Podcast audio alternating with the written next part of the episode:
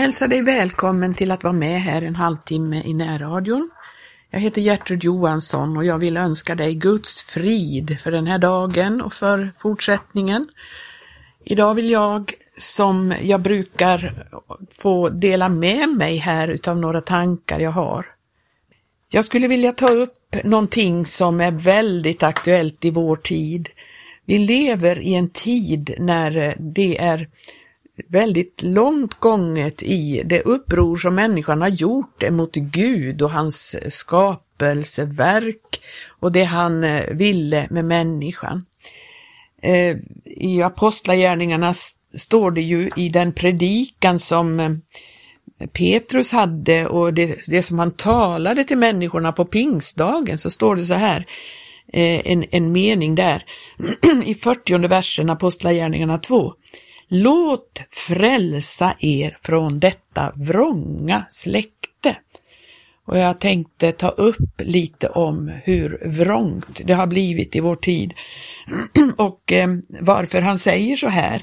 Och det beror ju på människans synd. Människan har gått långt i synd och eh, uppror emot Guds, eh, Guds eh, förordningar och tankar. Och det beror ju också det beror på syndens makt att bedra människan, men det beror också på denna världens första som väldigt eh, medvetet har gjort uppror emot Gud och nu utövar denna första sitt välde här i tiden och bland människorna. I Filipperbrevet, ursäkta mig, i Filipperbrevet 2, eh, tolfte versen, eh, så står det så här. Därför, mina älskade, så som ni alltid förut har varit lydiga, så må ni också nu med fruktan och bävan arbeta på er frälsning. Och det är inte alena så som ni gjorde då jag var närvarande, utan ännu mycket mer nu då jag är frånvarande. Ty Gud är den som verkar i er både vilja och gärning för att hans goda vilja skall ske.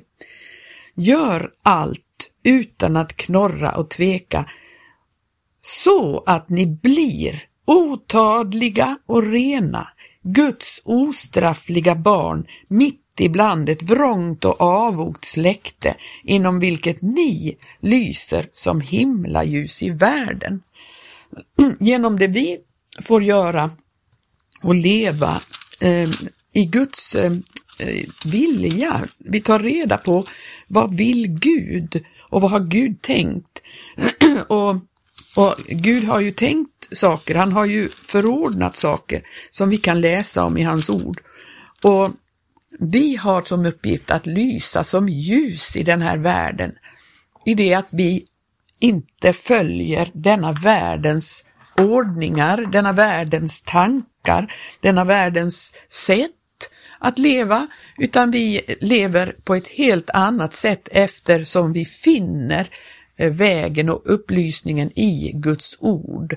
Därför det står ju om detta hur människorna är så, så eh, långt borta ifrån det här. I Romarbrevet 1 så kan vi läsa om eh, i 20 versen Ty hans osynliga väsen, hans eviga makt och gudomshärlighet har ända ifrån världens skapelse varit synliga i det att det kan förstås genom hans verk. Så är de då utan ursäkt, ty fastän de hade lärt känna Gud, alltså genom det här att hans verk, han är synlig i sin skapelse, Gud, Fastän de hade lärt känna Gud prisade och tackade de honom dock icke så som Gud, utan förföll till fåfängliga tankar, och så blev deras oförståndiga hjärtan förmörkade. När de berömde sig av att vara visa blev de dårar. Ja, och så fortsätter det med att de bytte bort den oförgänglige Gudens härlighet mot beläten som var avbilder av förgängliga människor, ja också av fåglar, fyrfotadjur och krälande djur. Allt det här eh, är ju ett, ett eh, tecken på hur, hur förmörkade de hade blivit. De tillverkade sig egna avgudar. Det gör vi ju inte idag, men vi, denna förmörkelse, den har gått längre än någonsin och vi skar oss våra, eh, ska man säga, avgudar på vårt sätt i den här tiden. Eh, vi ska läsa också i Efesebrevet, eh, där det står så här, Efesierbrevet 4, ifrån 17 versen, står det så här. Jag tillsäger er alltså och uppmanar er allvarligt i Herren att icke mer vandra så som hedningarna i sitt sinnes fåfänglighet vandrar. Vi kan ju tänka på det, hur vandrar hedningarna? Och de har eh, deras sinne har blivit förfängliga, alltså de vandrar som om inte Gud finns, som om de kan styra och ställa med, med tillvaron hur de vill. De vandrar i sitt sinnes förfänglighet. Hedningarna, fortsätter vi där i 18 versen, vilka i följd av den okunnighet som råder hos dem, genom deras hjärtans förstockelse är förmörkade till förståndet och bortkomna från det liv som är av Gud. Ty i sin försoffning har de överlämnat sig åt lösaktighet så att de i girighet bedriver alla slags orena gärningar.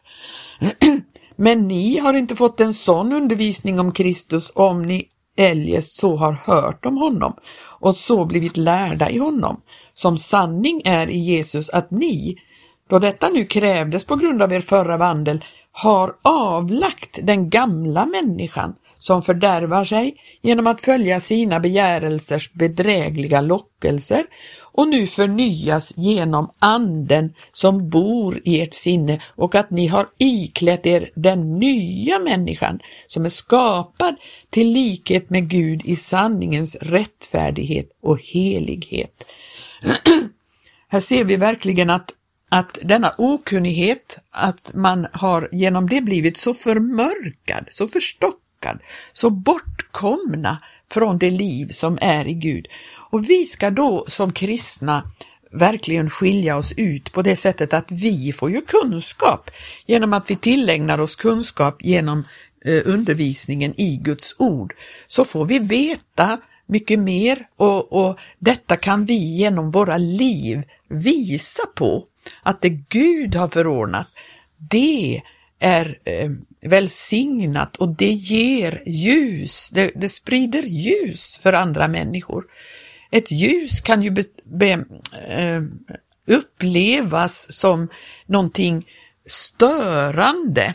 Alltså man, om det är mörkt så kan, om någon tänder en stark lampa eller någonting så kan det blända, det kan kännas väldigt obehagligt och helt plötsligt blir det uppenbart hur det egentligen ser ut och det kan vara en väldigt obehaglig upplevelse. Så att ibland, det står ju det att människorna älskade mörkret mer än ljuset. Så kan det vara, att man möter ett motstånd emot detta ljus. Men det får vi räkna med. Jesus som var ljuset, han fick ju verkligen motstånd och vi kan inte räkna med något annat i våra liv än att vi får motstånd när vi är ljus i Herren. Eh, vi, vi ska göra ljus och lysa som himlaljus. ett, ibland ett vrångt och avogt släkte som jag läste i Filipperbrevet 2. Eh, I folkbibeln står det ett falskt och fördärvat släkte. Ja, det är så det är i, i vår tid och vi måste kunna genomskåda allt detta falska, det vrånga, det avoga. Vi måste kunna se vad det är som är vrångt och avogt. En sak som är väldigt eh, aktuell i vår tid och som har skapat så mycket problem bland människorna, det är en företeelse som kallas feminism. Eh, nu vet jag att jag sticker ut hakan ordentligt. Feminismen är ett stort problem. Alltså man, man, eh, om man ytligt ser på det så kan man ju se det som en kamp emot förtryck och, och visst, det, det har ju varit så, alltså männen har förtryckt kvinnan och det har verkligen varit obalans i det som Gud hade skapat och tänkt. Och så har feminismen kommit då och ska föreställa vara en, en lösning på det här. Men istället så har detta skapat mer problem än, än någonsin. Därför att feminismen eh, förstärker motsättningarna, så upplever i alla fall jag det.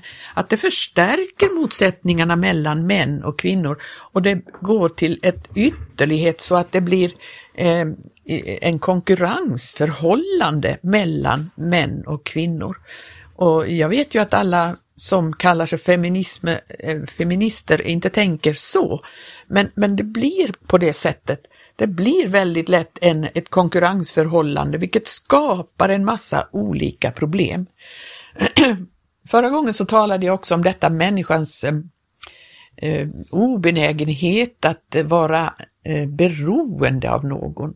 Man är så rädd för att vara beroende av någon och detta skapar sådana problem därför att Gud har skapat oss till att höra ihop och vara beroende av varandra.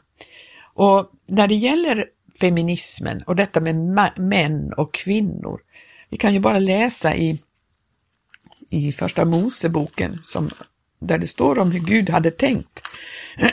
och det han har tänkt, det är alltid gott för människan. Det är inte något ont. Det står ju så här att till man och kvinna skapade han dem Eh, i Första Mosebokens första kapitel och 27 vers. Gud skapade människan till sin avbild. Till Guds avbild skapade han henne. Till man och kvinna skapade han dem. Eh, för att bilda en, en, eh, vad ska man säga, en avbild av Gud så behövdes det både en man och en kvinna. De två tillsammans skulle vara denna avbild i andra kapitlet, ehm, femtonde versen, så säger Guds ord så här. Så tog nu Herren Gud mannen och satte honom i Edens lustgård till att bruka och bevara den. Och Herren Gud bjöd mannen och sa, av alla andra träd i lustgården må du fritt äta, eh, men av kunskapens träd på gott och ont ska du icke äta, ty när du äter därav skall du döden dö.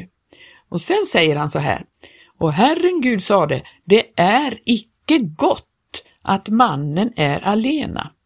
Jag vill göra åt honom en hjälp, en sådan som honom höves. Och då kan man ju fundera på detta att ja men denna kvinna var ju den som förledde mannen till att äta av detta träd som han var förbjuden att äta. Jo, men det beror på att redan där i lustgården blev det en viss eh, eh, obalans som inte skulle vara. Därför han säger ju så här att eh, mannen skulle bruka och bevara lustgården. Han skulle ha vakat över det här som hände så skulle kvinnan inte ha varit utlämnad till att ensam möta ormen utan där skulle mannen ha varit med och, och, och hjälpt henne att hålla fast vid det Gud sa. Men nu blev det så, så här och det Gud sa var att det är inte gott att mannen är alena. Jag vill göra åt honom en hjälp, en sån som honom behövs. Han behövde en hjälp och, och, kvinnan är en hjälp till mannen och mannen och kvinnan, när man förenas i äktenskap, då är man ett. Eh, I Matteus 19 står det om det. Det står så här eh, i 19 kapitlet, eh, femte versen.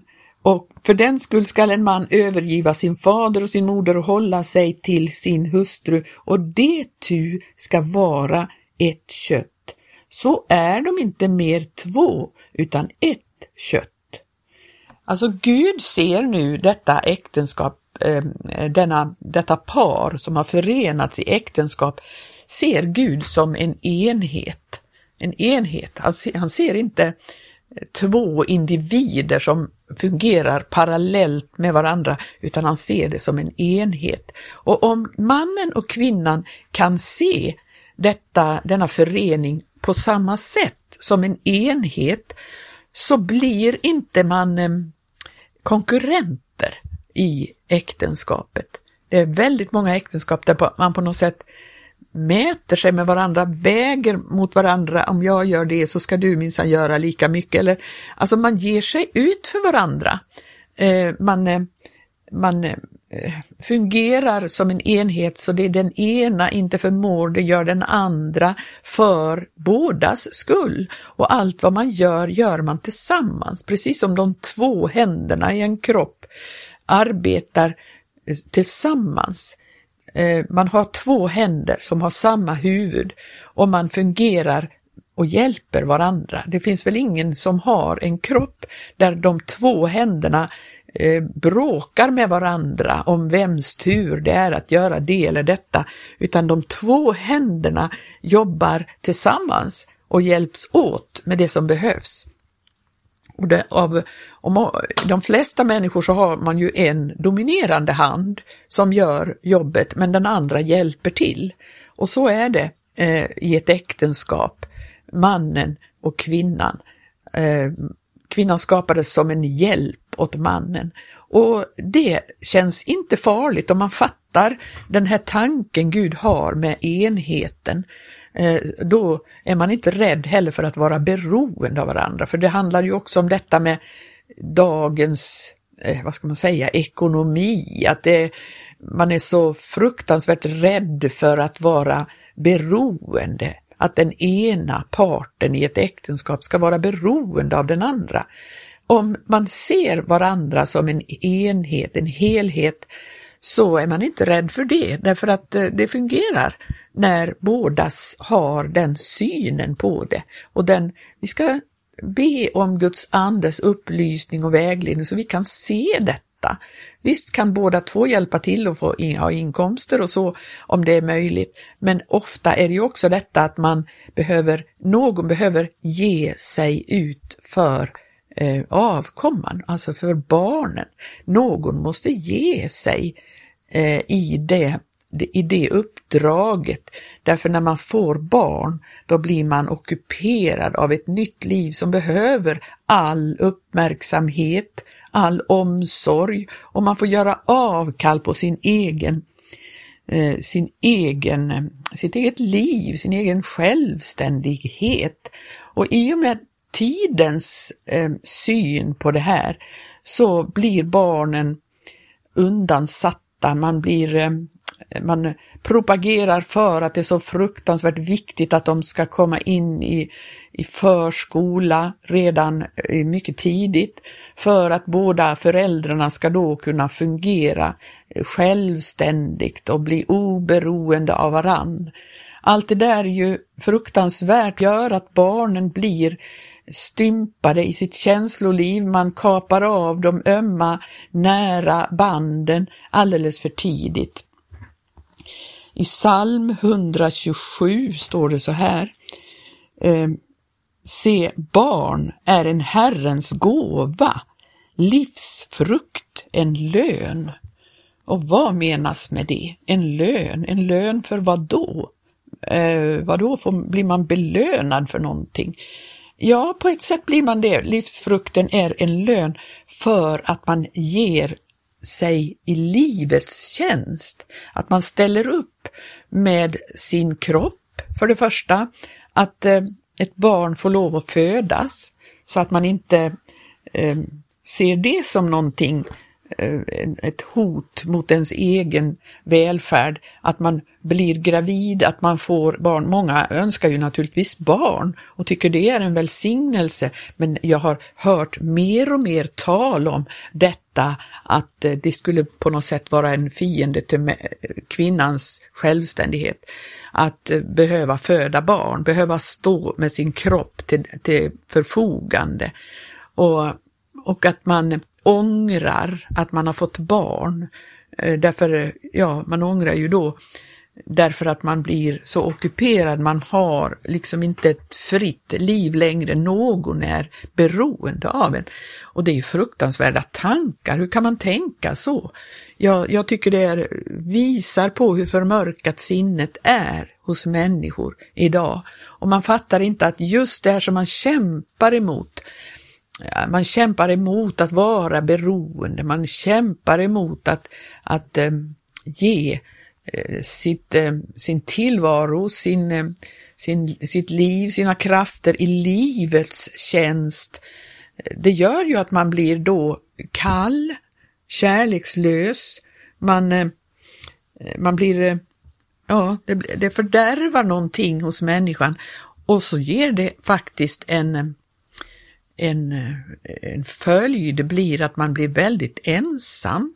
För man får heller inte tillbaka samma kärlek ifrån dessa som man inte har velat ge sitt liv till. Alltså det blir ju en kärlekslöshet, en kyla mellan alla människor. Därför att man är så rädd för beroende, man är så rädd för att, att eh, ge sig själv i livets tjänst. Allt det här som jag talar om nu, det är ju det fysiska livet och människornas eh, äktenskap och så vidare. Men allt det här är egentligen förebilder för det andliga livet. För att eh, det handlar ju i församlingen om samma sak, att man ger sitt liv för att fortplanta, för att eh, detta ska fortplantas i nya andliga liv. Det behövs andliga fäder och mödrar som är villiga att ge sina liv för det nya släktet som växer upp andligt sätt, för de barn, andliga barn som föds, där behöver man finnas för dem. Man behöver ställa upp för dem. Man behöver vara där som en förälder och, och fostra och dana så att eh, människor kan formas eh, till likhet med Gud och bli Ja, det finns ett liv att leva som Gud har förordnat och vi ska inte vara rädda för att gå in i det. Rädda för att bli beroende av andra människor. När, när allting får fungera som det ska så blir det inte förtryck. Det blir inte eh, detta onda som människor flyr. Det onda som har varit i de här sammanhangen beror ju på människans bortvändhet ifrån Gud. Men när människan vänder sig till Gud och uppfylls av hans ande så blir de här tingen både i det fysiska livet med, med familj och barn och äktenskap och i församlingslivet, då blir det en underbar harmoni och en Guds frid som får råda. Eh, jag hoppas de här tankarna kan ge dig lite att fundera på och se efter vad, eh, vad som finns i ditt liv och hur det ser ut. Och, och tänk på detta att allt vad Gud har förordnat och skapat, det är gott för människan. Det är gott. Gud ger, ger ingenting som är ont. Må Gud välsigna dig som har lyssnat idag och jag hoppas jag kanske kan eh, utveckla det här ytterligare en annan gång. Ehm, vi får säga så för den här gången, tiden har gått. Och eh, må Gud välsigna dig så hörs vi igen om en vecka.